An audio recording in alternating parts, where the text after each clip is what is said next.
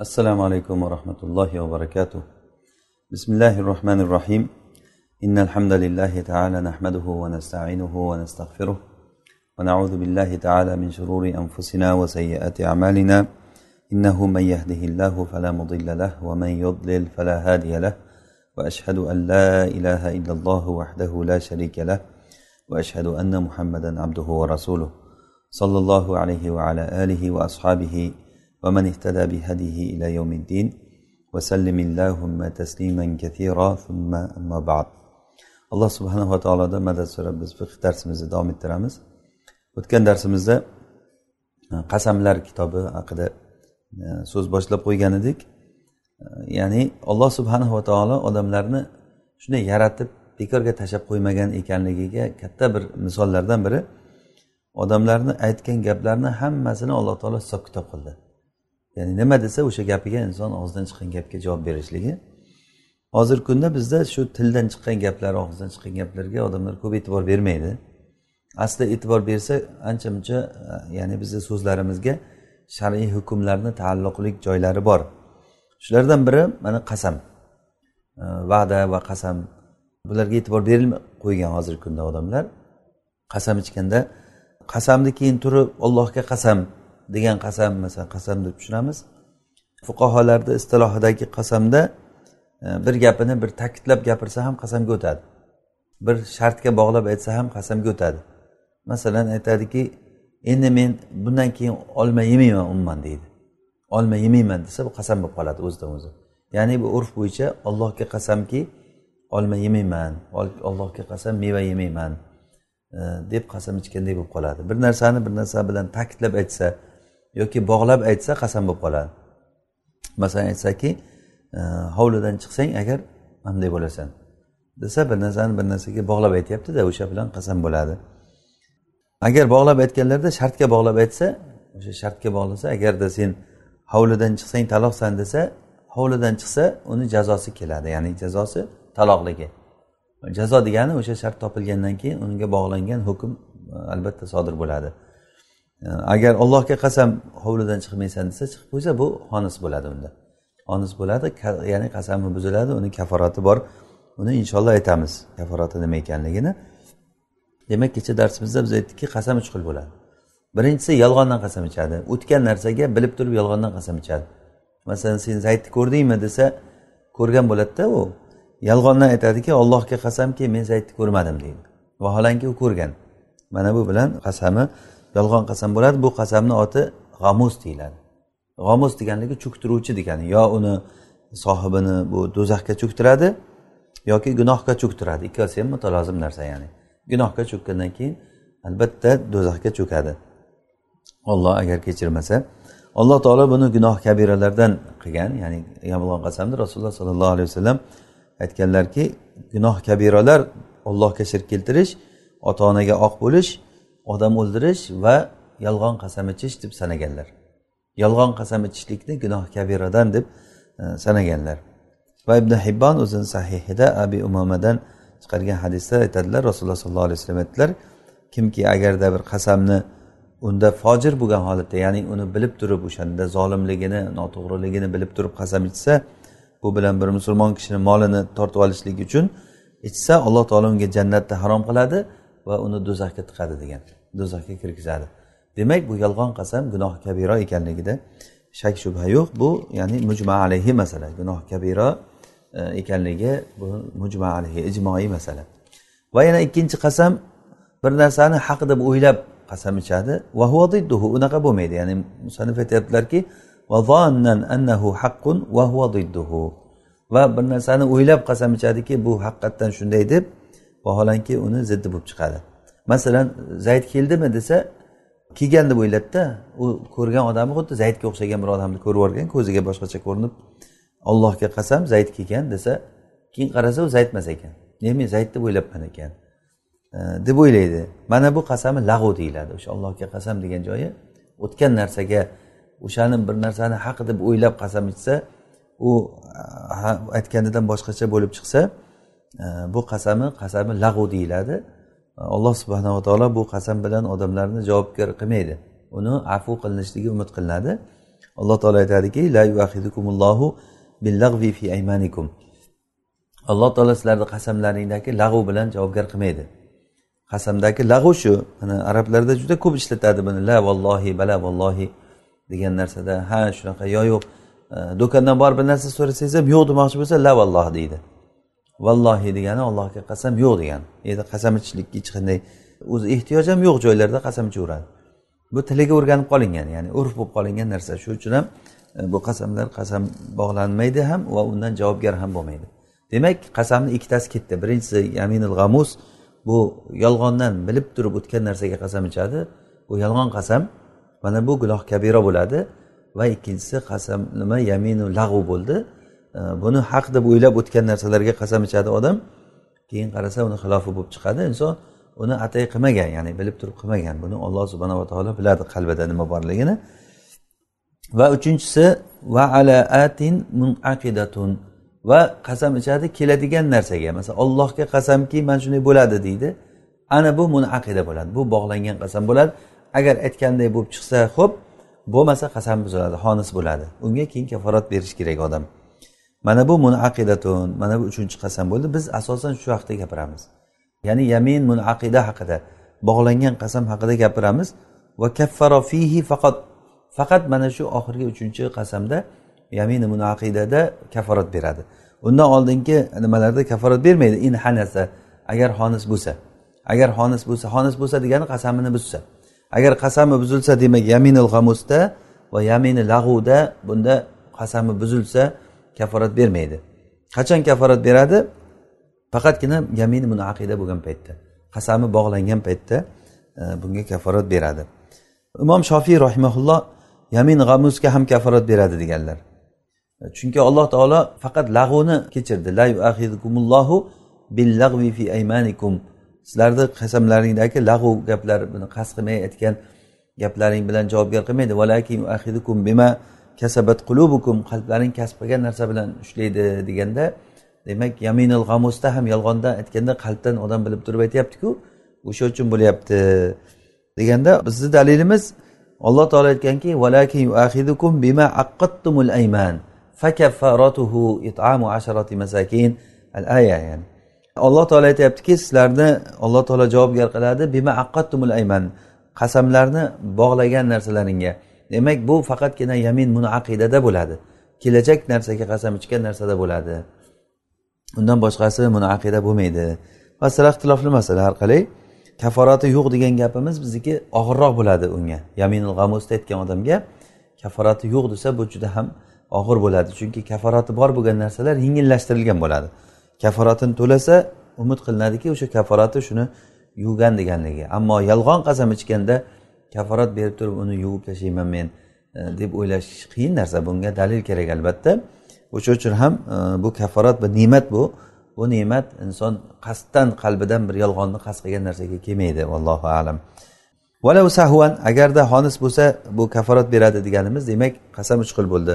Qasam yominul g'amus bunga kaforat yo'q gunohkor bo'ladi. Ikkinchisi yamini lag'u bunga hech narsa emas javobgar emas gunohkor emas. Afu qilinishligi ya'ni umid qilinadi. Alloh taolo buni va'da qildi. Sizlarga javobgar bo'lmaysizlar bundan deb. Uchinchisi yamin munaqida bunga kaforat beradi agar xonis bo'lsa. Valau sahvan au karhan.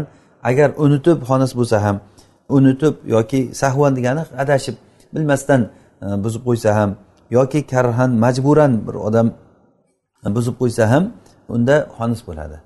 Halafa au hanisa.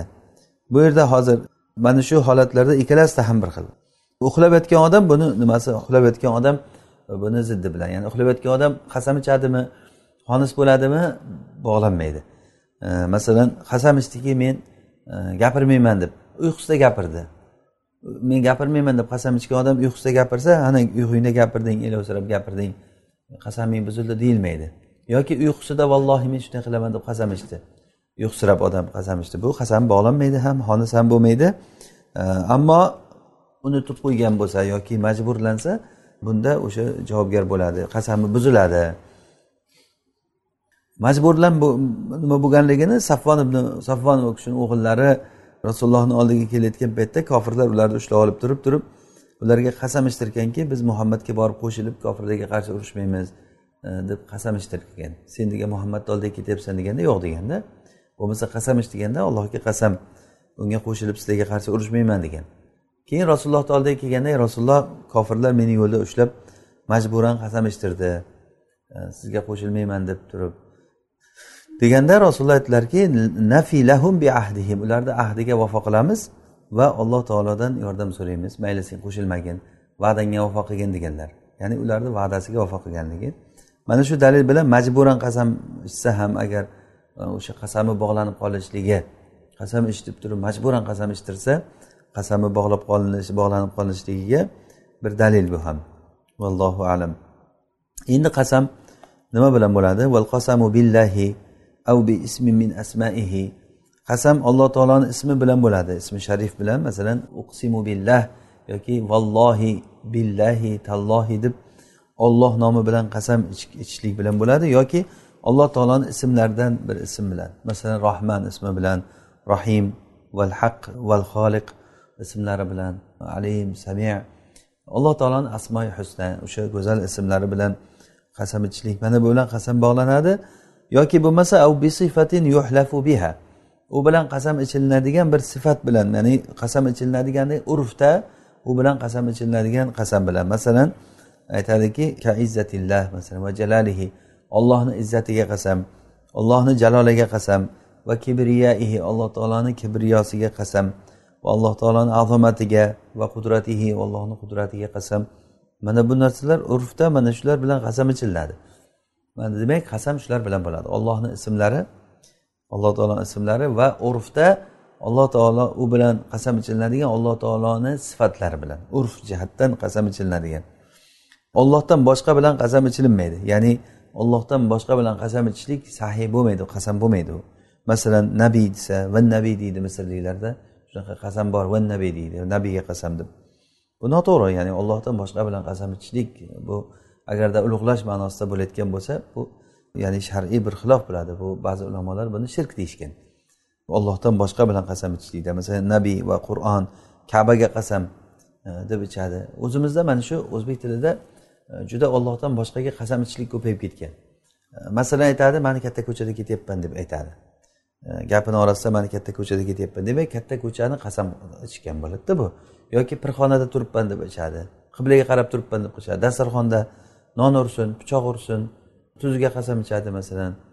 Tuzi nonga qasam deydi masalan. Ana shu narsalar bu nom ollohdan boshqa nomi bilan qasam ichishlik degani. Juda ko'p bizda e'tibor berilinsa mana shunaqangi qasamlar ko'p. Masalan oddiy gapini ham mani qiblaga qarab turib gapiryapman deydi. Demak mana bu qasam bo'ladi ya'ni qiblaga qasam degani bu. Yoki mana katta ko'chada ketyapmiz deydi katta oq yo'lda ketyapmiz deydi. Bu bu deganiki agarda oq yo'lda ketyapman agar gapim yolg'on bo'lsa shu oq yo'lim oq bo'lmasin yo'lim o'ngidan kelmasin degan ma'nodada bu. Ya'ni bu yo'lga qasam ichishlik bo'ladi. Mana bu narsa noto'g'ri kabaga qasam ichishlik ham noto'g'ri. Mana hozir bizda ham bor shu kabaga qasam. Mana kabaga qarab o'tiribman deydi qiblaga qarab turibman deydi. Dasturxon boshida turibmiz mana deydi. Non ursin pichoq ursin tuz e, ko'zi ko'r bo'lsin degan ma'noda tuz tuz ursin deb mana shunaqangi qasamlar ollohdan boshqa bilan qasam ichishlik bo'ladi. Muttafaq alayhi bo'lgan hadisda keladi ibn umarni hadisda rasululloh sollallohu alayhi vasallam aytdilarki alloh taolo sizlarni otalaring bilan qasam ichishlikdan qaytaradi. Kimki agar qasam ichayotgan bo'lsa olloh nomi bilan qasam ichsin yoki tashlasin qasamni qasam ichmasin. Agar ichsa faqat olloh nomi bilan qasam ichsin. Demak bu qasam ichishlik bu faqatgina olloh nomi bilan bo'ladi. Bu ham o'zi bandaligimiz bizni alloh taologa qul ekanligimizni bir ko'rinishi bu. Faqatgina namoz o'qish ro'za tutish bilan emas hayotda og'zimizdan chiqayotgan gaplarda ham biz o'sha bog'lab ulug'lab e, qasam o'zi asli ulug'lash uchun aytadida kim bir narsani ulug'lasa o'shanga qasam ichadi. Hech kim masalan aytmaydiku piyolaga qasam demaydiku chunki piyolani hech e'tibori yo'q. E, ya'ni e'tibori bor bo'lgan narsalarga qasam ichadi. Demak o'shani ulug'lash uchun qasam ichadi. Ulug'lash faqat allohga xos. Shuning uchun ham faqat va faqat olloh nomi bilan qasam ichilinadi. Yoki bo'lmasa odatda urf odatda u bilan qasam ichilmayotgan sifatlar bilan qasam ichilmaydi. Vala bi sifatin la yuhlafu biha urfan. Masalan ka rahmatihi va ilmihi va ridoihi va g'adobihi va sahotihi va azabihi. Mana bular bilan qasam ichilinmaydi. Ya'ni alloh taoloni rahmatiga qasam ollohni ilmiga alloh taoloni roziligiga ollohni g'azabiga ollohni e, qahriga ollohni azobiga qasam deb aytilmaydi. Ya'ni bu narsalar alloh taoloni sifatlari bo'lgan bilan ham lekin urf jihatda bu bilan qasam ichilmaydi shuning uchun ham biz bir narsani yaxshi tushunib olsak inshaalloh mana shu kitobda hammasini bilib olgan bo'lib qo'yamiz. Qasamdagi asosiy narsa urf odat bo'yicha aylanadi. Urf odat bo'yicha nimaga qasam ichilinsa ya'ni nimaga deganligimiz alloh taologa qanday qasam ichilinsa o'sha bilan qasam bo'ladi. Undan boshqasi masalan urf odatda bizda ollohga qasam degan gap boru juda kam masalan. O'sha asosiy qasam o'zi shu o'zi. Yoki masalan xudo ursin deydi masalan. Xudo ursin degan gap qasam mana bu bizni urfimizda bor bo'lgan xudo ursin degani ya'ni alloh taolo jazolasin meni. Agar shunday bo'lmasa olloh jazolasin. Vallohi allohga qasam deganida bu. Mana shu qasam bilan ichilinadi. E, lekin hozir biz o'qiyotgan nimada? Arablarni urfida arabcha gapirgan odamlardagi gaplar ko'proq. Shuning uchun ham hamma gaplarni bunday qarasak ko'proq arabchadagi gaplarni tahlil qilinadi. Hozir kitobda shuni orasidan biz o'zimizga tegishli o'zimizni lug'atimizda qanday ishlatsak bo'lar ekan degan narsalarni ham tushunib olamiz. Muhimi ma'no ya'ni muhimi bu arab tilidagi gapligi e, emas muhimi ma'no. Demak asosiy narsa aylangan doira qasamni doirasi urf doirasida aylanadi. Agar urf odatda qasam ichilinadigan bo'lsa ichilinadi. Qasam ichilmaydigan narsa bo'lsa urfda masalan alloh taoloni bu ismlar sifatlariga qasam ichilmaydi. Allohni roziligiga qasam allohni g'azabiga qasam deb turib e, qasam ichilinmaydi. Allohu alam. Ho'p va qavluhu la amrulloh e, degan gapi la amrulloh alloh taoloni boqiyligi degani. Amr degani o'zi umr ma'nosida alloh taoloni umri degani ollohni boqiyligi degani. Chunki alloh subhanava taolo eng avvalgi zot va eng oxirgi zot. Huval avvalu val axir demak alloh subhanava taoloni avvalgiligi shuki avvalun bilabtida xuddi imom tahobiy aqida kitoblarida aytgani kabi huva avvalun bilabtida va axirun bilantiha. Juda ajoyib gaplar ya'ni alloh taolo avvalgi zot uni boshlanishi yo'q va oxirgi zot uni tugashligi yo'q. Subhanahu va taala. Alloh taologa endi amrulloh deyishlik amrulloh bu baqaulloh degani alloh taoloni boqiyligiga qasam degani boqiyligiga qasam vaymulloh degan gap. Bular hammasi qasam deyiladi. Hali bu yoqda oxirida xabar keladi bular mubtada. Ya'ni amrulloh vaymulloh bu qasam degani. Vaymulloh bu yaminni jami bu. Ya'ni ollohni qasamlari deganida ollohga ichilinadigan qasamlar bilan qasam ichaman degani. Vaymullohi degani ollohga ichilinadigan qasamlar bilan qasam ichaman degani. Va yana ahdulloh va misaquhu misaqulloh degani. Ollohni ahdi ya'ni ahdullohi la afalanna kaza ollohni ahdiga qasamki men shunday qilaman dedim qasam bo'ladi. Demak bu qasam turlaridan bu ham amrulloh vaymulloh ahdulloh va misaquhu misaqulloh alloh taoloni misoqiga qasam desa bu ham qasam bo'lib qoladi. Hop va uqsimu degan gap qasam ichishlik va ahlifu desa qasam ichaman degani bu ham. Uqsimu qasam ichaman ahlifu bu ham qasam ichaman va ashhadu degani bu ham qasam ichaman ma'noda. E, men shunday deb guvohlik beraman degani qasam ichaman degani. Men va illam yaqul agar billahi deb aytmasa ham uqsimu deganda uqsimu billah demasdan qasamki mana shunday qilaman desa bu degani buni mahzufida nima bor? Qasamki degani qasamim ollohgaki men ollohga qasam ichib aytamanki mana shunday degani. Demak bu qasamda agar uqsimu ahlifu deganda billahini qo'shmasa ham o'zi musulmon kishi qasam ichaman desa uni zamirida nima yotadi? Uni zamirida ollohga qasam degan gap yotadi. Shuning uchun ham bularda billahini qo'shmasa ham qasam bo'laveradi. Yoki va alayya nazrun desa ham bu ham qasam. Ya'ni meni zimmamda nazr borki men nazr qildim shunday qilishdi. Degani bu alloh taologa qasam allohga ya'ni meni ustimda zimmamda mana shu narsa yuklatilindi deb o'ziga odam odam yuklab olgan bo'ladi. Hop. Yoki bo'lmasa alayya yamin desa yoki yoki aytsa alayya ahdun meni zimmamda qasam bor meni zimmamda ahd bor desa agar u alloh taologa izofa qilinmasa ham ya'ni yaminulloh ahdulloh deb alayya yaminulloh meni zimmamda ollohni yamini bor qasami meni zimmamda ahdulloh bor ollohni ahdi bor deb aytmasa ham o'z o'zi ma'nosidan tushuniladiki yamin va ahd degani kimni yamini kimni qasami kimni ahdi kimni misoq ollohniki bo'ladi. Chunki uni nimasi ma'nosi shu bo'ladiki e, qasamni mo'jabi meni zimmamda degani qasamdan kelib chiqadigan narsalar qasamdan nima kelib chiqsa o'sha kafforat bo'ladimi e, nima bo'lsa o'sha meni zimmamda degani va infaala kaza fahuva kafir degan gap. Agar mana shuni qilsam men kofirman desa bir kishi. Agar qilsam kofir bo'lay agar qilsam yahudiy bo'lay buni qilsam musulmon emasman deb qo'yadi. Mana shu gapni aytsam men musulmon emasman deydi masalan. Mana bular qasam bo'ladi bular.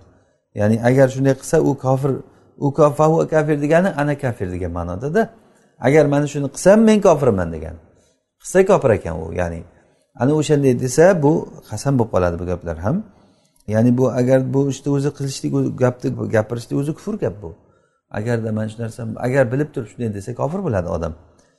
Lekin aytsaki bir gapini ta'kidlash uchun aytadida agar ertaga qarzim beraman deydi. Agar bermasang desa bermasam kofir bo'lay deydi. Bermasam kofir bo'lay degani demak bu qasam ichish degani bu. Ya'ni bu ollohga qasam degani bu. O'zi aslida bir narsani kufrni bir ishga taliq qilib qo'yishlik e, mana shu ishni harom qilishlikka kiradi. Ya'ni bu ishni harom qilishlikka kufr ya'ni bu narsa nima degani? Agarda mana shu ertaga e, agar yana bir marta men masalan bir ishni qilsam bir ishdan to'xtalmaydigan onam gapida misol agar shu ishni yana bir marta qilsam kofir bo'layin desa demak shu ishni kofir bo'lishga bog'lab qo'yib kofir bo'lish mumkin emas. E, demak bu ishni qilish menga harom deganida bu. Ya'ni halol narsani harom deyishlik yoki bir ishni masalan mumkin emasga aylanishlik o'sha harom narsa bo'lsa ham o'zi o'ziga mumkin emas deb man qilishlik uchun aytsa bu qasam bo'ladi. Mana rasululloh sollallohu alayhi vasallam men asal yemayman deb o'zlariga qasd qilgan paytlarini alloh taolo nima dedi buni nima uchun sen qasam ichasan ey payg'ambar deb turib ey payg'ambar nima uchun olloh halol halol qilgan narsani harom qilasan? deb o'sha oyatni oxirida farodallohu tahillata aymanikum. Qasamlaringni halollash ya'ni qasamdan chiqib ketishlikni alloh taolo farz qildi deb aytgan. Ya'ni uni yo'lini bizga o'rgatdi va buyurdi. Agar qasam ichib qo'ysalaring mana bunday qilinglar avvalambor o'zi qasamni ichishlikni bilish kerak nimaga ichilinadi? Demak qasam faqat ollohni nomiga ichilinadi. Qasam ichilgandan keyin vahfazu aymanakum. Vahfazu degani qasamlaringga e'tibor beringlar. Nimaga qasam ichyapsizlar? Agar qasam ichsalaring qasamni buzib ketavermanglar. Turinglar o'sha qasamda. Bu ham ikkinchisi uchinchisi vahfazoymanakum qasam ichib agar uni mabodo buzib qo'ysalaring uni albatta rioyasini qilib uni kaforatini beringlar degani. Mana bu vahfazu aymanakum degan oyatni e, tushunchasi. Va illam yakfur agar u kofir bo'lmasa ham ya'ni shunday qilsam kofirman desa uni moziy narsaga bog'lab qo'yadimi yoki endi o'tgan narsaga bog'laydimi kelajakka bog'laydimi uni farqi yo'q. Uni farqi yo'q. Agar o'tgan narsaga e, bog'lab qo'ysa bu kofir bo'ladi deb imom muhammad e, shuni aytgan ekan. Muhammad ibn muqotil ya'ni muhammad ibn muqotil muhammad ibn hasan shayboniy emas muhammad ibn muqotil e, shuni aytgan ekanki agarda uni o'tgan narsaga bog'lasa yolg'ondan aytsa ya'ni agar mana shu bo'lmagan bo'lsa men kofir bo'lay desa bunda kofir bo'lib qoladi chunki uni kufrni mavjud bo'lgan narsaga bog'ladi. Mavjud narsaga bog'lashlik bu aniq qilish degan tanjiz bo'ladi. Xuddiki ibtidoan men kofirman degandek bo'lib qoladida bu. Bu shuning uchun bunaqangi gaplarni ishlatmaslik kerak musulmon odam. Bunaqangi muhtamal gaplarni ba'zi ulamolar ey mana kofir bo'ldi desa ba'zilari yo'q hali kofir bo'lgani yo'q deydigan holatga odam o'zini o'zi tushirib qolmaslik kerak. O'sha uchun bunaqa gaplar agar ertaga senga qarzing bermasam musulmon emasman. Agar ertaga senga shu narsani e, qilib bermasam kofir bo'layin. Men yahudiyman e, men nasoraman agar shunday bo'lsa degan gaplarni odamlar ishontirish uchun gapirilgan gaplar bular qasam bo'ladi va e, juda bir munkar gaplar. Bunaqangi narsalarni aytmaslik kerak. Agar kelajak narsa uchun bo'lsa bir va'da uchun bo'ladi qasam bo'ladi. Agar o'tgan narsaga bo'layotgan bo'lsa bu xuddiki o'sha paytda aytgandek bo'lib qoladi. Allohu alam. Ya'ni bu narsalardan saqlanish kerak. Va yana masalan forschalab aytsa savkat mexuram ba xudoyi desa. Ya'ni xudoga qasamki mexuram ichaman degani mexuram savkan degani qasam. Qasam ichaman olloh nomi bilan desa baxudoy degani ya'ni uqsimu billahi deb aytyaptida bu.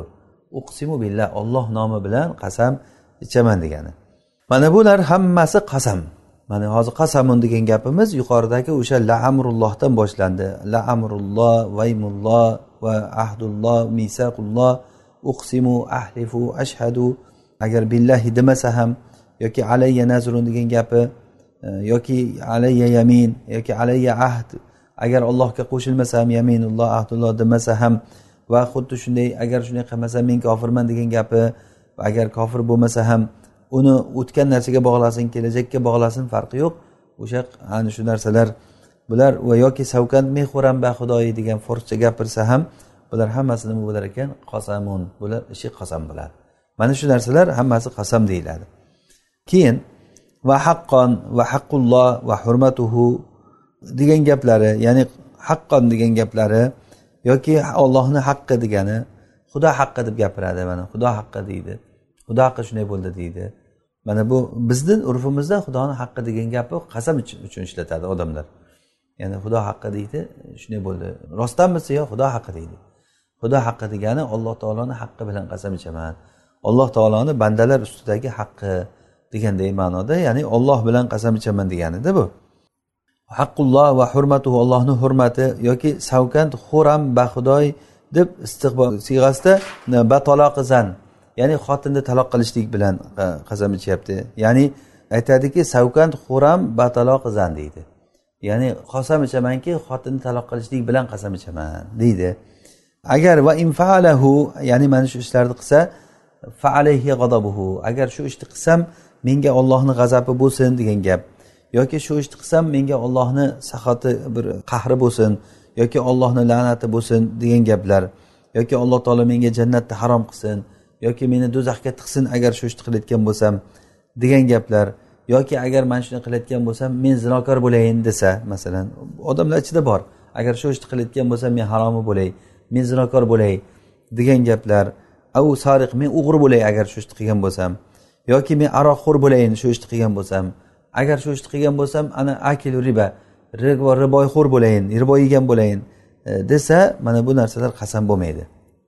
Ya'ni bu qasam bo'lmaydi. Chunki haqqon degan gapi o'zi asli vaidni ya'ni aniqlashtirishlik uchun keladi. Haqiqatda degan gapda bu. Ollohni haqqi deganda bu bilan e, huquqlardan biri nima qilinadi? Iroda qilinadi. Rasululloh sollallohu alayhi vasallam aytganlari kabi ollohni bandalar ustidagi haqqini bilasanmi nima degan. Ya'ni qisqasi bu gaplar hammasi urf odat bo'yicha qasam qilib ishlatilinmaydida. Gap shunda. Qasam qilib ishlatilinmaydi e, o'shaning uchun. Agar qasam ishlatilinsa bu qasam bo'ladi. Biz darsimizni boshidan aytdikki qasam bobidagi masala urf bo'yicha. Ya'ni urfda kim shuni qasam deb aytsa qasam bo'ladi. Qasam demasa qasam bo'lmaydi. Allohu alam. Ya'ni hozirgi musanif rahimaulloh aytgan gaplari bo'yicha hozirgi mana shu gaplarni hech qaysisi qasam bo'lmaydi. Layakunu qasaman. Mana bu gaplar qasam bo'lmaydi degan. Ya'ni mana bu ishni qilmasam men zinokor bo'lay. Mana shu ishni qilmasam agar men aroqxo'r bo'lay desa keyin qilmasa endi nima bo'ladi u? Qasaming buzildi deyilmaydi chunki bu bunaqangi gap bilan qasam ichilinmaydi o'zi aslida. Odamlarni ishontirish uchun aytadi. Lekin bizni urfimizda shu narsalar odamlarni ishontirishlik uchun aytadi. Masalan xudo haqqi deydi masalan. Allohu alam o'zbekchada xudo haqqi degan gap bir qasamga o'xshab bog'lanadi. Xudo xudo haqqi deydi. Masalan ishonsin deb aytadida shuni allohga qasam degani xudo haqqi deydi. Xudo ursin deydi masalan. Mana bu narsalar qasam bo'ladi. Va qasam harflari vov va ba va ta. Ya'ni arab tilida bu ham vallohi masalan billahi va tallohi deb qasam ichadi. Bular hammasida arab tilida ishlatilgan qur'onda kelgan masalan vallohi robbina ma kunna mushrikin. Vallohi robbina robbimiz ollohga qasamki biz mushrik emas edik deb do'zax ahli do'zaxga kirganda aldamoqchi bo'lib gapirgan gaplari. Vallohi deb mana alloh taolo hikoya qilib beryapti. Yahlifuna billahi ma qolu mana munofiqlar qasam ichadiki biz aytmadik deb yahlifuna billah mana olloh bilan degani ya'ni billah qasam. Yoki tallohi taftau tadkuru yusuf degani tallohi bu qasam taajjub ma'nosida ya'ni bu tallohi degani e qiziq shuni ham qilamizmi? deb allohga qasamki juda qiziq ekan lekin degan ma'noda tallohi taajjub ma'nosi bor ichida. Vaqot tudmaru gohida zamir qilib qasam harflari ya'ni aytilinmaydida faqat e, lafzi jalala alloh taoloni o'zi aytilinadi zikri. Ya'ni bu degani o'sha ollohga qasam degan. Masalan allohi la afalanna deydi. Arab tilida borda bu gap. Allohi la afalanna. Shuning uchun ham allohi deb turib lafzi jalalani kasra qilinadi. Hofiz ya'ni bu yerda harfil qasam mahsuf bo'lganligi uchun. Asli vallohi la afalanna degani. Ollohga qasamki men shunday qilaman e, degani bo'ladi. O'zbek tilida ham bor. Masalan qasamki men shunday qilaman deydi. Qasamki deganda ollohga qasam deb ollohni aytmayapti. Yoki olloh nomi bilan mana shunday qilaman deydi. Olloh nomi bilan qasamki degan gapni aytmaydi. Olloh nomi bilan mana shunday qilaman deydi. Demak mana bu narsalar har bir urfda lug'atda tushuniladi. Endi bu albatta zamir qilishliklar. Bizni o'zbek tilidagi zamir qilib aytishlik bir gapni gapni ichida tiqib o'shani e, niyatda boru lekin ochiqdan ochiq gapirilmaydigan narsalar bor bular ham aynan shu shaklda bo'lmasa ham lekin shu ma'nolar o'zimizni tilimizda bor. Keyin yana bitta masala inshaalloh desa kimki agar? E, inshaalloh desa bu qasam bog'lanmaydi. Agarda kimki agar aytsaki vallohi man shu narsani qilaman inshaalloh desa inshaalloh deb qo'ygandan keyin bu e, vallohisi qasami bog'lanmay qoladi. O'sha uchun ham masalan odam qaysi bir gapini orqasida inshaalloh deb qo'ysa e, bu xonis bo'lmaydi. E, Mana muso alayhissalom hazir alayhissalomga aytdilarku hazir alayhissalom sen menga ilm o'rgatasanmi birga yursam sen bilan? deganda sen menga sabr qilolmaysan degan. Shunda yo'q inshaalloh sabr qilaman degan. Satajiduni inshaallohu minas sobirin. Inshaalloh meni sabr qiluvchilardan deb topasan dedilarda sabr qilolmadilar. Muso alayhissalom o'zlari botilga ya'ni ko'rinishda botil bo'lgan nohaq bo'lgan narsaga chidab turolmadilar. Bunga sabr qilolmadilar. Demak inshaalloh degan gapi bilan borligi uchun u gap u kishi e, muso alayhissalom mana aytgan gapini qilolmadi degan gap chiqmaydi. Shuning uchun ham qaysi bir gapni agar gapirsak inshaalloh deb gapirilinsa bu qasam bo'lib bog'lanmaydi. Va'da ham bo'lmaydi masalan bo'ldi inshaalloh qilamiz desa lekin bizda o'zbek tilida e, inshaalloh deganda agar tahqiq ma'nosida aytilinsa bu tushunuvchi agar uni tahqiq ma'nosida tushunsa e, va'da bo'lib qoladi. E, borasanmi desa inshaalloh boraman desa inshaalloh boraman degani ya'ni bimashiatillah degani bi avnillah boraman degani ollohni avni bilan olloh yordam berib tursa men albatta boraman. Ya'ni men tarafimdan borish ishi bo'ladi lekin agar olloh qadaran uni xohlamagan bo'lsa borolmay qolaman degan ma'no bo'ladi. Lekin bu va'da bo'ladi mana shu narsalar. O'sha uchun ham inshaalloh degan gapni ma'nosi ikki xil ma'nosi borda taliq va tahqiq ma'nosi bor. Bu yerda hozir taliq ma'nosida bo'lsa agar bir narsaga bog'lab qo'yish agar olloh xohlasa shu bo'ladi deb taliq qilib qo'ysa demak bu meni xohishimdagi narsa emas e, ollohni xohishidagi narsa degan ma'noga bog'lab qo'ygan bo'ladida e, shu shu bilan qasam bog'lanmaydi va va'da ham bog'lanmaydi. Ammo taqiq ma'nosida bo'lsa aniqki shunday qilaman lekin alloh taolo bu yerda yordami shart degan ma'noda bo'lsa taqiq unda to'g'ri unda qasam nima va'da bo'lib bog'lanadi. Muhim ya'ni qasamga agar e, shu qasam ichib keyin inshaalloh desa bu istisno qilgan bo'ladi. Mana rasululloh sollallohu alayhi vasallam aytganlarki man halafa ala yaminin faqala inshaalloh faqad istathna man halafa ala yaminin faqala inshaalloh faqad istathna kimki bir qasamga agar qasam ichib keyin inshaalloh desa u istisno qilgan bo'ladi. Bo'ldi bu gapi ya'ni ya'ni qasamga o'tmaydi degan. Deganlar sollallohu alayhi vasallam. Vallohu alam shu bilan endi qasam ichishlik tugadi. Endi qasamni kaforati haqida. Qasam ichgandan keyin nima qilish kerak? O'zi demak vahfadu aymanakum degan alloh taoloni oyatini biz qanday tushunamiz? Bu aytdim yana bir takrorlab qo'yay. Qisqacha vahfadu aymanakum qasamlaringni saqlanglar degani mo'min kishi qasamida o'ylab qasam ichsin ollohga qasam ichsin faqat. Ollohdan boshqa nomiga qasam ichmanglar degani. Bu bir. Ikkinchidan qasam ichib qo'ysalaring ey yo'q be yo'q qasamni buzib ketavermanglar vahfazu qasamlaringni mahkam olloh nomi bilan qasam ichdilaringmi? Ollohni nomi ulug' olloh nomi bilan deydimi tamom ollohni nomini ulug'lang. O'shanda mahkam tuting shuni qasamingizni. Endi agarda mabodo uni buzishlikka shar'iy uzr bo'lib yoki e, buzishlik ehtiyoj bo'lib buzib qo'ysalaring kaforatini beringlar. Vahfazu aymanakum degani kaforatini beringlar uni. Ya'ni gaplaring olloh nomi bo'lgandan keyin ollohni nomini ulug'lashlik bo'lgandan keyin unda albatta biz uchun bir katta bir e, ibodat ma'nosi ko'rinishi kerak shunda. Demak kaforat kaforat beriladi. Nima kaforat? E, va kaffaratuhu qasamni kaforati kafaratuhu degani qasamni kaforati uchta narsadan bittasi bo'ladi. Unda mukallaf o'zi muhayyar ya'ni ixtiyorli xohlaganini qiladi. Birinchisi it raqoba qul ozod qilish. Bu qul ozod qilishlikda cho'ri bo'lsin erkak bo'lsa ayol bo'lsa uni farqi yo'q. Ya'ni xolis qul bo'lsa bo'ldi. Xolis deganimiz niyat xolis degani emas bu. Ya'ni sof qul bo'lsa bo'ldi. Au itamu asharati masakin. Yoki o'nta miskinni taomlantirishlik bu ikkinchisi. O'nta miskinni bir qonni to'ygilik taomlantiradi. Kama hiya fi zihor xuddi zihordagidek ya'ni bu zihorda ham qul ozod qilishda zihor zihordan oldin o'tgandik kitobi zihorda xotinidan zihor qilgan odamlar ular kaforati shu qul ozod qilish yoki oltmishta miskinni to'ydirishlik degandek yoki ikki oy ro'za tutish yoki oltmishta miskin to'ydirishlik. O'sha miskin to'ydirgandagi shartlar aynan kaforatdagi shartlar bu yerda ham keladi va kaforatda qul ozod qilishlikdagi shartlar bu yerda ham aynan o'zi aytiladi ya'ni xuddiki zihorda qanday bo'lsa qul ozod qilish bo'lsa ham e, yoki taomlantirish bo'lsa ham shunday. Bu ikkita. Uchinchisi av kisvatuhum ularga kiyim kiydirish. Ya'ni miskinlarga kiyim kiydirish. Qanday qilib kiyim kiydirish? Likullin savbun yasturu ammata badanihi. Haligi o'ntani har biriga butun badanini hamma joyini to'sib turadigan bir kiyim kiyadi ya'ni namoz o'qisa sahiy bo'ladigan darajada kiyim kiydiradi. Bu degani bir sirama ustuvosh ya'ni usti va tagi bo'lgan ustuvoshni tushunamiz.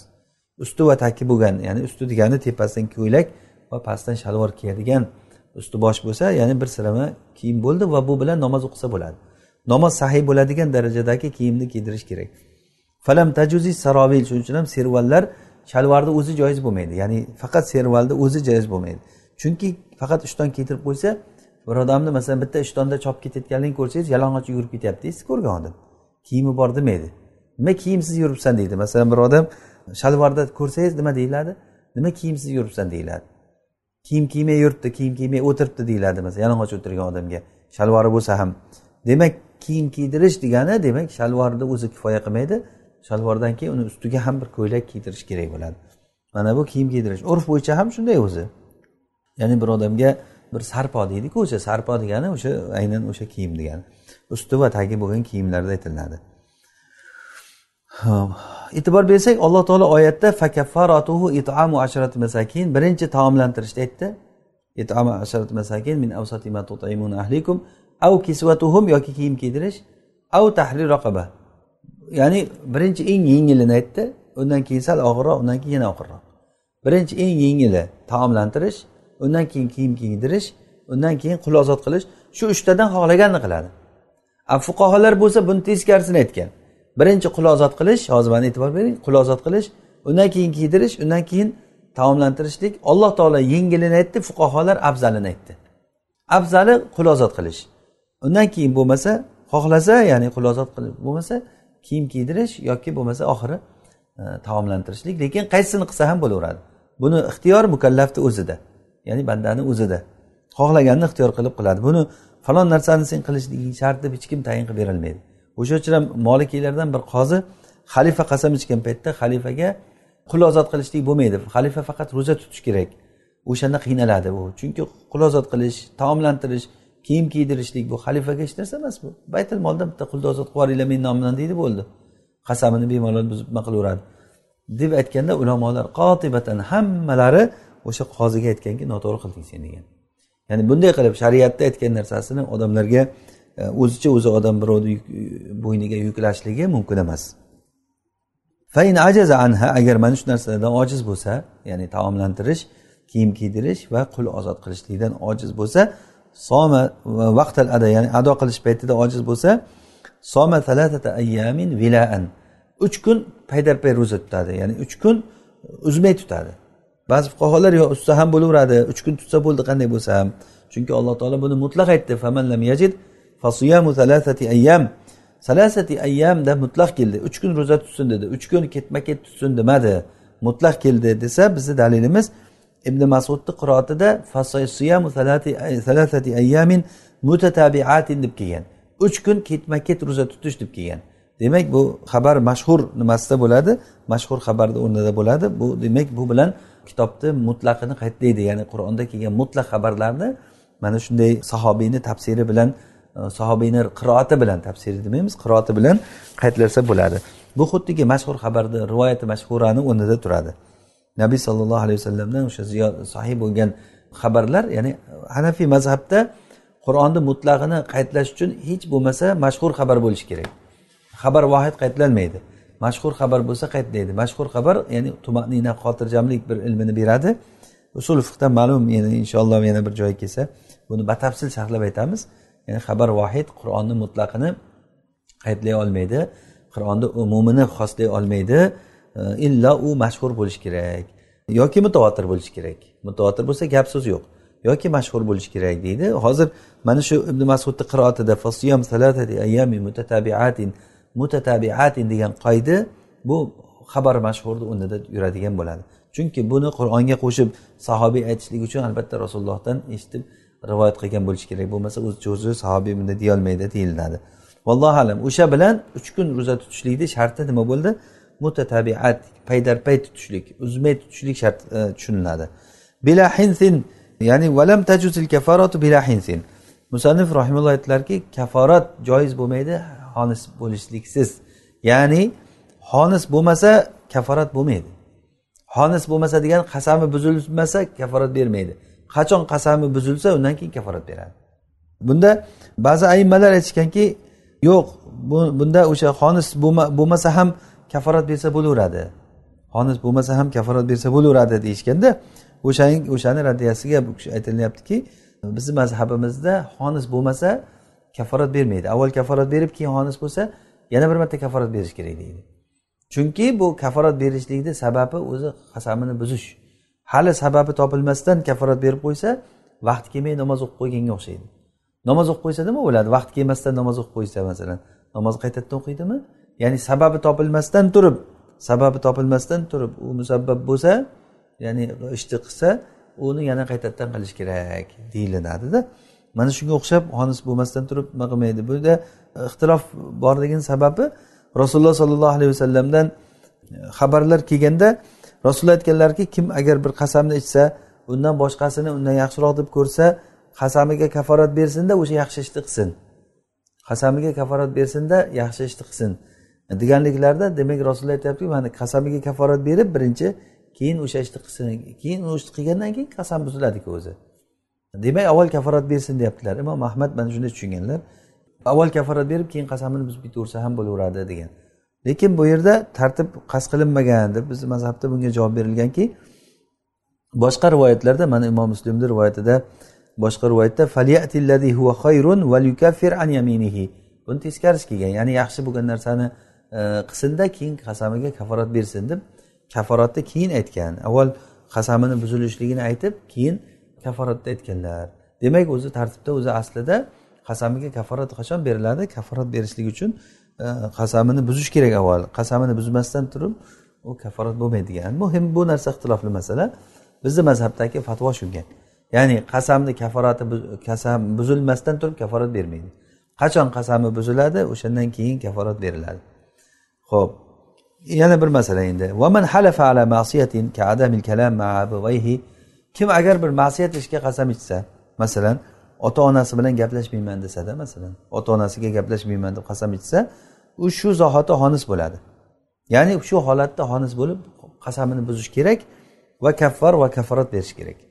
Ya'ni bu o'zi aslida buni ushlab turish mumkin emasda bu qasamni. Vahfazu aymanakumga kirmaydi bu. Ya'ni qasamlaringni ushlanglar deganligi bu yerda qasamlaringni buzib kaforatini beringlar deb tushunamiz mana shu holatda. Chunki kimki agar bir ma'siyat narsaga nazr qilsa unga vafo qilmasin dedilarku. Ya'ni rasululloh sollallohu alayhi vasallam aytdilarki e, man halafa an yuti alloha falyutihu. Kim ollohga itoat qilishlikka qasam ichsa itoat qilsin. Va man halafa an yasiyahu fala yasihi. Kim ollohga osiy bo'lishlikka qasam ichsa osiy bo'lmasin deganlar rasululloh sollallohu alayhi vasallam. Demak unday bo'lgandan keyin bizni oldimizda nima qoldi? Qasam ichib qo'ysa qasamini buzib kaforat berish qoldi. Kim agar masalan o'zini ota onasi bilan gaplashmayman yoki o'zini singlisi bilan aloqani uzaman unga gapirmayman uni uyiga bormayman borsam menga harom bo'lsin u bo'lsin bu bo'lsin degan gaplarni gapirsa albatta qasamini buzib kaforat berish kerak bo'ladi. Chunki bu ma'siyat bu. Silay rahmni uzishlik ma'siyat. Ma'siyatda davom etishlik qasamini bog'lab olib turib meni qasamim Э, qasam ichib qo'ydim deb yaxshi ishlarda o'zini to'xtatishlik mumkin emas. Alloh subhanava taolo aytadiki alloh taoloni qasamlaringga nishon qilib olmanglar. Ya'ni qasam ichib qo'ydim deb bir ishlarda odam qasam ichib qo'ysa masalan yaxshiliklarni qilmayman deb qasam ichib qo'ygan keyin bir talab qilinsa shu yaxshilikni qiling deb u aytadiki e, qasam ichib qo'yganmanda bo'lmasam qilardim. Nima alloh taolo seni yaxshilik qilishlikni xohlamaydimi yoki yomon ko'radimi? Olloh nomi bilan qasam shu ishni qilmayman deb qo'ygan. Endi uni o'shani qilishlikka ehtiyoj bo'lsa bu olloh taolo aytyaptiki sizlar qasamlaringga ollohni bunaqa qilib turib bahona qilib olmanglar. Ollohga qasam ichdim deb yaxshilikni qilmay turmanglar. Qasamlaringni buzinglardan keyin qasamni buzib unga qasamga kaforat berib yaxshilikni qilaveringlar. Masalan bir odam qasam ichganki vallohi vallohi men masjidga umuman yaxshilik qilmayman degan. Masjidga yaxshilik qilmayman deb qasam ichgan odam demak bu nima qilish kerak endi? Qasamini buzib kaforat berish kerak va masjidga yaxshilik qilaverish kerak. Agar kimda kim bir ishga qasam ichsa masalan joiz bo'lgan narsalarga qasam ichsa ham keyin o'shandan yaxshisini ko'rib qolsa yaxshi ishni ko'rib qolsa masalan aytganki men vallohi falon shaharga bormayman degan. Keyin o'sha shaharga bir olim kishi keldi ilm o'rganish uchun borish kerak bo'lib qoldi. Qasamini buzib o'sha yerga borishlik kerak bo'ladi. Ilm o'rganishlik uchun. Yo men qasam ichib qo'yganman endi borolmayman olim bo'lsa ham ilm bo'lsa ham endi bu yerda men borolmayman qasamim bor deb yurolmaydi odam. Ya'ni oyatini shunday tushunamiz. Alloh taoloni sizlar qasamlaringga bahona qilib olmanglar. Qasam ichgandim shuning uchun bir yaxshi ishni qilolmayman endi deb alloh taoloni bahona qilib qo'ymanglar. Vala kafarata fi halifi e, fi halifi kafirin va in hanatha musliman. Bu bir masala endi bu boshqa masala. Kofir odam agar qasam ichib qasam ichsa keyin musulmon bo'lgan holatda qasamini buzsa ham unga kaforati yo'q deyaptilar. Chunki kofirni qasami bog'lanmaydi. Ya'ni alloh taolo aytadiki faqotilu aimmatal kufr innahum la aymana lahum. Kufrni imomlariniga qarshi urush qilinglar ularni o'ldiringlar degan sababi innahum la aymana lahum. Ularni nima yaminlari qasamlari yo'q. Ularni qasami e'tibori yo'q umuman. Men qasam desa ham qasamiga rioya qilmaydi. Lekin boshqa qiroatlarda innahum la imana lahum deb ham kelgan. Ularni iymoni yo'q deb. Ya'ni bir biriga teskari narsa emas bu. Ya'ni muhimi kofir kishini qasami bog'lanmaydi. Ya'ni kofir paytida men ollohga qasam shunday qilmayman degan keyin musulmon bo'lgandan keyin uni buzsa ham uni farqi yo'q. U qasami bor yo'q farq e'tibori yo'q. Yana bo'lib ham musulmon bo'lgandan keyin al islamu yajubbu ma qoblahu o'zidan oldingi narsalarni hammasini kesib yuboradi. Allohu alam.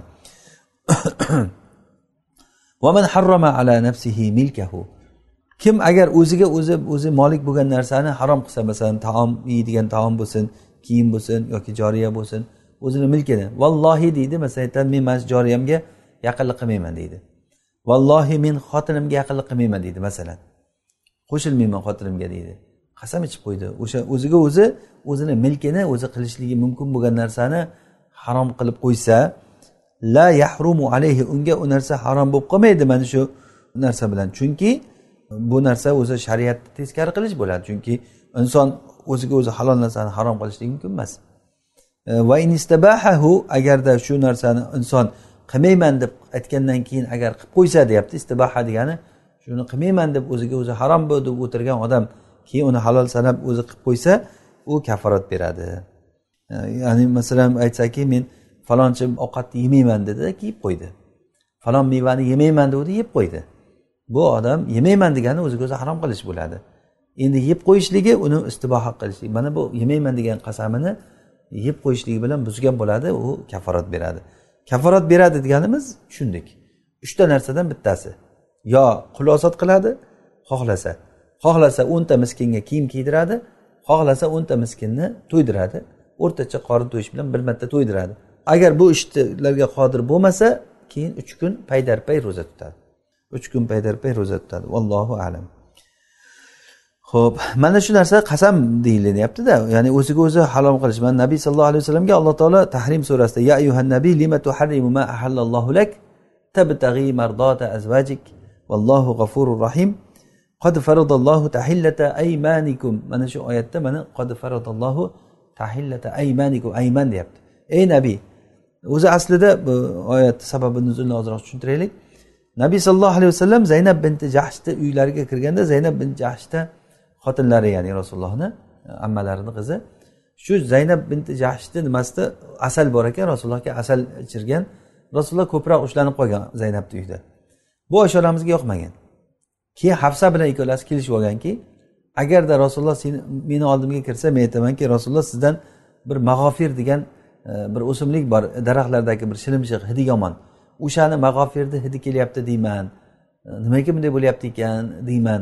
Mendan chiqib seni oldingga borsa sen ham shuni aytgin degan. Yoki sen kelsa shuni aytgan men ham shunday deyman. Rasululloh hafsani oldiga kelsa ey rasululloh sizdan mag'ofirni hidi kelyapti. Bilmadim dedilar. Rasululloh o'zi hidlanib yurishni yomon ko'rardilar. Og'zidan yo boshqa yerdan ham hid kelishligini yomon ko'rardilar. Shuning uchun ham hidlik narsalarni hidi badbo'y narsalarni yemasdilar. Mana bu e, sarimsoq yoki piyozga o'xshagan narsa yemasdilar rasululloh. Rasululloh aytganlarki men mana bu hobis daraxtdan e, kimki yesa masjidga kelmasin deganlar men buni yemaganligim harom uchun emas men farishta bilan munojat qilaman gaplashaman o'sha uchun deganlar. Ya'ni rasulullohga vahiy keladi farishta gaplashadi o'sha farishtalar yomon hidlar bilan ozorlanadi o'shaning uchun.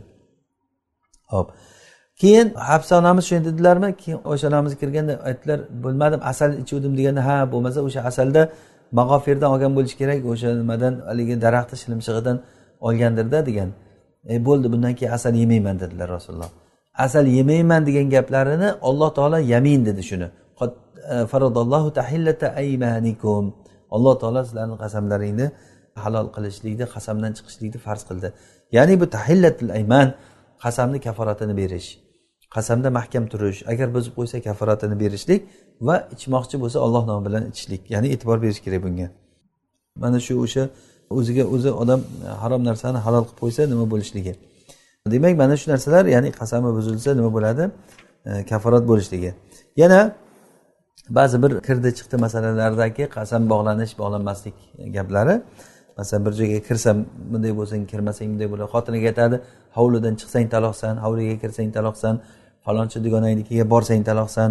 Ko'p bizda shunaqa gaplar to'g'rimi? Demak mana shuni biz yaxshi tushunib olsak inshaalloh masalani qolgan gaplar hammasi shuni atrofida aylanadi ya'ni buni ham eng osonlashtirishlik urf bo'yicha aytilinadi bu narsa. Urf bo'yicha e, masalan hovliga kirsang taloqsan desa hasan qachon hovliga kirgan bo'ladi urf bo'yicha? Ana o'shanda holatda. Vallohi masalan men aytaman e, mana shu uydan tuz tortmayman deydi. Tuz tortmayman dedi mevasidan yedi. A yedingku mevadan desa tuz tortmayman degan tuz yeganim yo'qku men meva yedim. Nimani tushunamiz? Tuz tortmayman degani nima tushunadi? Hech narsa yemayman degani. Bu tuz ehtirom ma'nosida aytilinadigan narsa bu. Tuz tortmayman degani hech narsa yemayman degani. E, ya'ni tuz tortmay ketdi deydiku. Tuz tortmay ketdi degani hech narsa yemay ketdi degani. Mana shuni qanday tushunyapmiz buni? Buni urf bilan tushunyapmiz. Qolganlarini ham xuddi shunday tushunaveramiz. Ho'p musanif rahimulloh aytadilarki man halafa la yadkhulu baytan. Kimki qasam ichsaki bir uyga kirmayman deb qasam ichsa. Qasam ichsa yahnasu biduxuli suffa. Shu uyni nimasiga supasiga kirishlik bilan xonis bo'ladi uyga kirmayman degan odam uyni bir atrofida bunday uyga qo'shilgan nar qilingan bir ayvoni bo'ladida uyni. Ya'ni o'sha ayvoniga kirishlik bilan e, xonis bo'ladi uyga kirmayman degan odam uyni ayvoniga kirdi. Ayvonga kirsa demak u ayvon uyni hukmida bo'ladi. Chunki usti yopilgan. Ba'zan odamlar uyda uxlasa e, ba'zan ayvonga chiqib uxlab uxlab yotadi. Ayvonda o'tirgan odam telefon jiringlab qolsa qayerdasan desa uydaman deymi ayvondaman deyman masalan uydaman deydi. Uydaman degani bu o'sha ayvonda bo'lsa ham uyda hisoblanadi. Demak bu ayvonlar bayt uchun e, ya'ni tunash uchun qilingan narsalar. Ba'zan yoz kunlarida o'shanda ayvonlarda yotadi odamlar. Demak mana shu hozir suffa vallohu alam bu yerda suffadan maqsad uyni ayvoni u. Ya'ni ayvonlar ba'zan nar qilib qo'yilgan bo'ladi ko'tarilib. Aynan o'tirishlikka tayyor qilib qo'yilgan bo'ladi. Mana shu ayvonga kirishlik bilan ham xonis bo'ladi. Ya'ni uyga kirmayman degan odam ayvonga kirsa ham uyga kirsa ham xonis bo'ladi. Lal kaba kabaga kirsa xonis bo'lmaydi. Ya'ni uyga kirmayman degan odam kabaga kirdi. Kaba uyku baytulloh deyiladi. Lekin uy deganda urf bo'yicha nimani tushunamiz? Mana qarang hammasi urfga ketaveradi. Urf bo'yicha uy deb uy deganda kabani tushunmaydiku odam. Qaydasan desa uydaman desa u kabani ichida bo'lsa. Kabani ichida turgan odam men uydaman demaydi men kabani ichidaman deydi. Demak kabani ichi alohida aytilinadi u uy deganda ollohni uyi deyilgan bilan lekin u mutlaq bayt deganda u kaba tushunilmaydi. Baytulloh deb ollohga izofa qilinsa ana o'shandagina keyin kaba tushuniladi. Demak kabaga kirsa xonis bo'lmaydi yoki bo'lmasa masjidga kirsa. Masjid ham uy lekin uyga kirmayman degan odam men uyga kirmayman uyda yotmaydi masjidda yotadi bu degani masalan. Masjid ham uyku. Lekin nima uchun? Bu yerda hozir masjidda yoki bia mana bular uy deyilmaydida urf bo'yicha. E, bia bu nasorolarni ibodatxonasi. Yoki kanisa kanisa bu yahudlarni e, ibodatxonasi. Yoki dahliz dahlizga kirishligi bilan xonis dahliz degani hovliga kirganda hovliga kirsa mana hovlini qarang hovlini bunday o'ralingan hovli bo'lsa hovlini to'rida buyoqda uylar bo'ladi oldida ayvoni bor. Endi keyin hovlini supasi bo'ladida supadan keyin eshikdan kirgan joyda bir ayvonga o'xshagan bir joy bo'ladi. Ana bu dahliz deyiladi. O'shaga hovlida eshigidan kirdi hovliga kirgan odam dahlizga kiradi birinchi. Dahlizdan keyin hovlini maydoni undan keyin supaga o'tadi supadan uyga kiradi. Demak hozir shu yerda dahlizga kirgan odam uyga kirmayman degan qasami buzilmaydi. Chunki u uyga kirgani yo'q hali. Bayt deganda uy o'zi aynan usti yopiq va uy kechasi odam uxlaydigan joy bayt deyiladi. Hech kim darvozadan kirgan joyda qisqasi bu darvozaxonada bu hozirgi bizni urfimizda darvozaxona desak ham tushunamiz. Dahliz degani darvozaxona degani darvozaxonaga kirsa hovliga kirgan e, ya'ni uyga kirmayman degan odam ammo hovliga kirmayman degan odam darvozaxonaga kirsa hovliga kirgan bo'ladi. Chunki hovliga kirish hovlini eshigi ochilgandan keyin hovlini ichiga kirsa hovliga kirgan bo'ladi. Ammo bayt deganda kechasi uxlayotgan joy tushuniladi. Usti yopiq kechasi uxlaydigan joy tushuniladi. Demak bayt deganda hovlini ichida bo'ladi uy. Hovli keyin hovlini ichida uy bo'ladi. Bayt deganda shuni tushunamiz. Demak dahlizga kirsa dahliz degani e, hovlini eshigini oldida bo'ladigan aynan bizdagi hozirgi darvozaxonalar. Mana shu darvozaxonalarga kirsa xonis bo'lmaydi deyapti. Babi darin yoki hovlini eshigini soyaboniga. Hovliga kirmay uyga kirmayman degan odam hovlini oldida soyabon bor ayvoni. Demak ayvonlarda o'tirsa ham e, nima bo'lmaydi? U ayvoni biz aytgan ayvon uyga qo'shilingan ayvoni bo'lsa nar qilingan haligi uyga yopishgan ana bu uyni hukmida bo'ladi. Ammo tashqaridagi tashqariga masalan moshinalarga soyabon qilib qo'yadi ba'zilar. Yoki uyga kirgandan keyin ham hovlini ichida bir soyabonlar bo'ladi masalan so'rlarni oldilarida. Mana bular ham ya'ni uyga kirmayman degan odamni ichiga kirmaydi bu gapiga. Ya'ni xonis bo'lmaydi. Uyga kirmayman degan odam shu ayvonda o'tirsa ham xonis bo'lmaydi. Masalan kama fi la yadkhulu daron. Masalan xuddiki hovliga kirmayman degan odam fadahola daron haribatan xaroba hovliga kirsa xaroba uyga kirmay hovliga kirmayman degan odam xaroba joyga kirsa bunda ham nima? Xonis bo'lmaydi. Chunki xaroba hovli hovli deyilmaydi. Xaroba buzilib yotgan hovli men hovlida o'tiribman demaydi. Bir xarobazorda o'tiribman deydi. Xaroba maydonda o'tirib joyda o'tiribman deydi. Demak o'zi hovli degani bir obod bir uy tushuniladi. Odamlar yashab turgan sharoitlari bor bo'lgan obod hovli tushuniladi. Endi aytsaki la yadxulu hadihiddar mana shu hovliga kirmayman desa yahnasu indaxolaha munhadimatan sahroa. Unda xolis bo'ladi agar sahroda buzilib yotgan joy bo'lsa ham o'shanga kirsa chunki mana u hovli deganda uni hovliligi emas mana shuligi e'tiborda bo'lib qoladida. Agar hovliligi e'tiborda bo'lganda u hovlilik ma'nosidan chiqib qolsa xonis bo'lmaydi. Agar mana bu degan ishorasi e'tibori bo'lsa uni hovlilik ma'nosidan chiqib qolsa ham sahroda bo'lishligi bilan buzilib ketishligi bilan hovlilik ma'nosidan chiqib qolsa ham lekin mana u degan gap qolyaptida mana bu degan gap qolyapti. Demak mana shu bilan xonis bo'lib qoladi. Agar buzilib ketgan bo'lsa ham buniyat uxro yoki o'rniga boshqa qurilgan bo'lsa ham ana o'shanda mana shu holatlarda xonis bo'ladi. Ya'ni vallohu alam ya'ni bu narsani asosan yana qaytarib aytamiz bundagi asosiy gapda aylanishligi nimani atrofida aylanadi? Urf odat bo'yicha aylanadi. Hovli deganda bir obod odam yashaydigan hovli tushuniladi.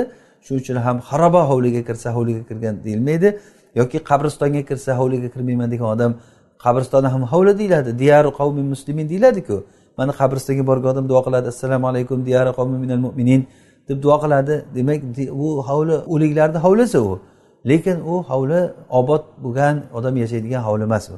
Shuning uchun tashlandiq hovlilar hovli deyilgan bilan lekin u biz e, men hovliga kirmayman degan qasamni ichiga kirmaydi. Ammo mana bu desa unda hovlilik ma'nosi yo'qolib o'sha nima qoladi. Yoki vaqf uyga kirsa masalan unda ham o'sha hovliga kirgan bo'ladi. E, ala sathiha yoki bo'lmasa sathida tursa vaqafa ala sathina. Bu yerda hozir vaqafa ala sathin degani o'sha xolis bo'ladi hovlini sathida tursa ham. Uyga kirmayman degan odam hovliga kirmay hovlini sathiga chiqsa ham o'sha hovlini sathi uyni ustida bo'ladi. O'sha uchun ham masalan masjidni ustida jimo qilish mumkin emas xotini bilan xuddi ichida jimo qilish mumkin bo'lmaganiga o'xshab. Masjidni usti ham masjidni hukmida bo'ladi.